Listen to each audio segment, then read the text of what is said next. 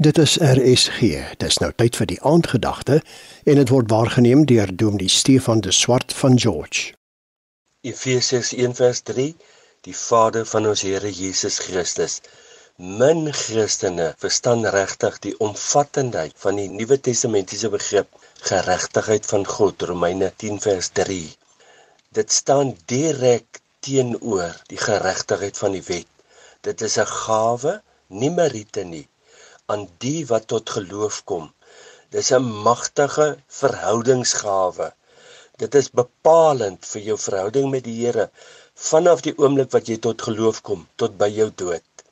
Dit sluit in 1 om vir ewig reg met die Vader te wees. 2 totale vergifnis, totale amnestie. Kolossense 1:14.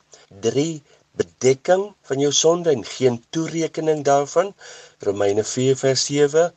4 Alle skoolgelde is vooruitbetaal vir die bevryding van al jou dwaashede, astrandhede, ongeloof, vleeslikheid en alle moedswilligheid.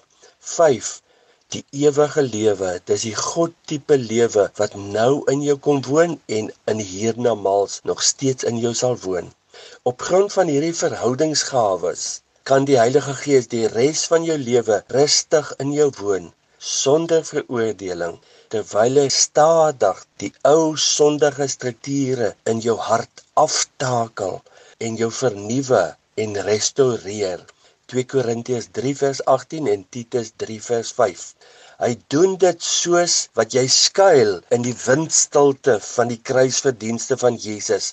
Hy self werk ook in jou sonder veroordeling op grond van hierdie windstilte.